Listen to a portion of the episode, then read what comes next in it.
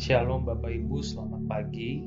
Firman Tuhan pada hari ini saya ambilkan dari Kisah Para Rasul 19 ayat 32 dan 35. Sementara itu orang yang berkumpul di dalam gedung itu berteriak-teriak. Yang seorang mengatakan ini dan yang lain mengatakan itu. Sebab kumpulan itu kacau balau dan kebanyakan dari mereka tidak tahu untuk apa mereka berkumpul. Akan tetapi panitera kota menenangkan orang banyak itu dan berkata, Hai orang Efesus, siapakah di dunia ini yang tidak tahu bahwa kota Efesuslah yang memelihara baik kuil Dewi Artemis yang maha besar maupun patungnya yang turun dari langit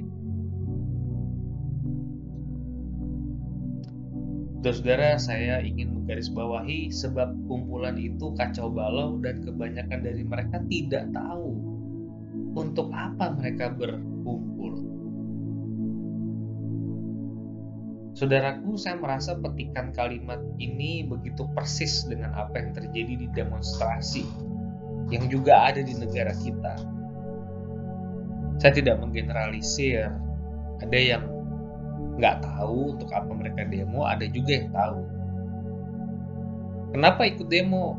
Sebagian mungkin hanya untuk nasi bungkus atau untuk meramaikan saja. Tidak sedikit demo yang maksudnya damai atau didorong oleh niat mulia justru berakhir rusuh karena ada yang menunggangi. Bacaan hari ini merupakan salah satu cerita yang menarik bagi saya Demetrius adalah seorang pimpinan perusahaan. Kerjanya ialah bikin patung Artemis. Saudara Efesus adalah kota yang tersohor karena dewa atau dewi Artemis. Kalau zaman sekarang, kota Efesus itu sama seperti Mekah atau Yerusalem. Kota persi perziarahan bagi orang yang memeluk agama atau menyembah Dewi Artemis. Semua orang di dunia pasti datang ke Efesus untuk menyembah Artemis. Mereka meyakini bahwa Artemis adalah patung yang turun dari langit. Tapi bagaimana mungkin ada keyakinan bodoh semacam ini? Lah, Wong Demetrius jelas-jelas pebisnis patung. Saya melihat di sini bahwa agama itu dipermainkan. Ia dipolitisasi. Agama menjadi rusak ia sama seperti di Indonesia. Ini sama seperti di Indonesia. Anda harus menganut satu agama tertentu untuk bisa naik jabatan.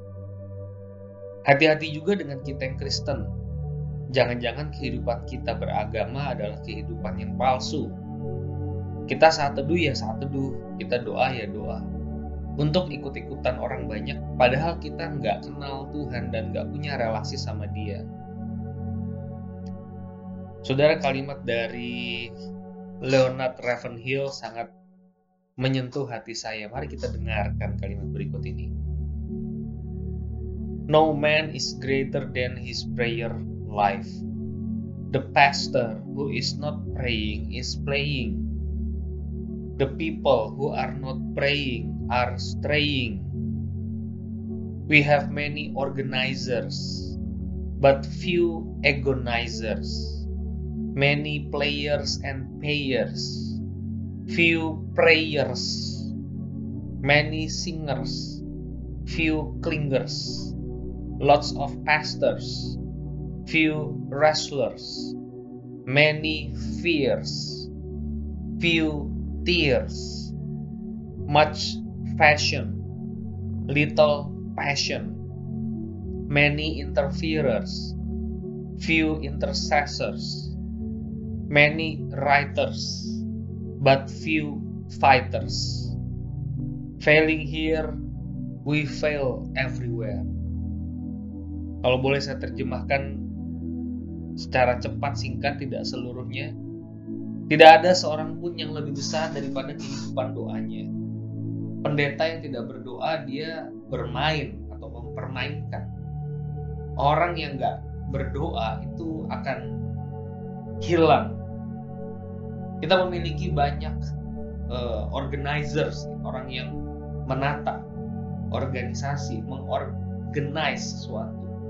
Tapi sedikit orang yang berduka, yang menangis karena dosa-dosanya. Banyak pemain dan pembayar, tapi sedikit pendoa. Banyak penyanyi, tapi sedikit orang yang melekat kepada Tuhan.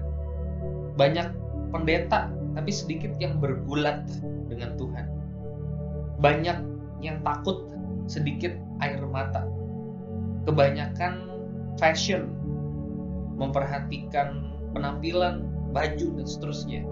Tapi sedikit yang punya passion, yang punya hasrat. Banyak yang menulis, tapi sedikit yang bertarung Saudara, kita harus mengakui bahwa kita nggak lebih baik dari para pendemo itu. Kita ikutan aja, kita jalan aja. Kita nggak tahu apa yang kita lakukan. Selamat berefleksi, saudara.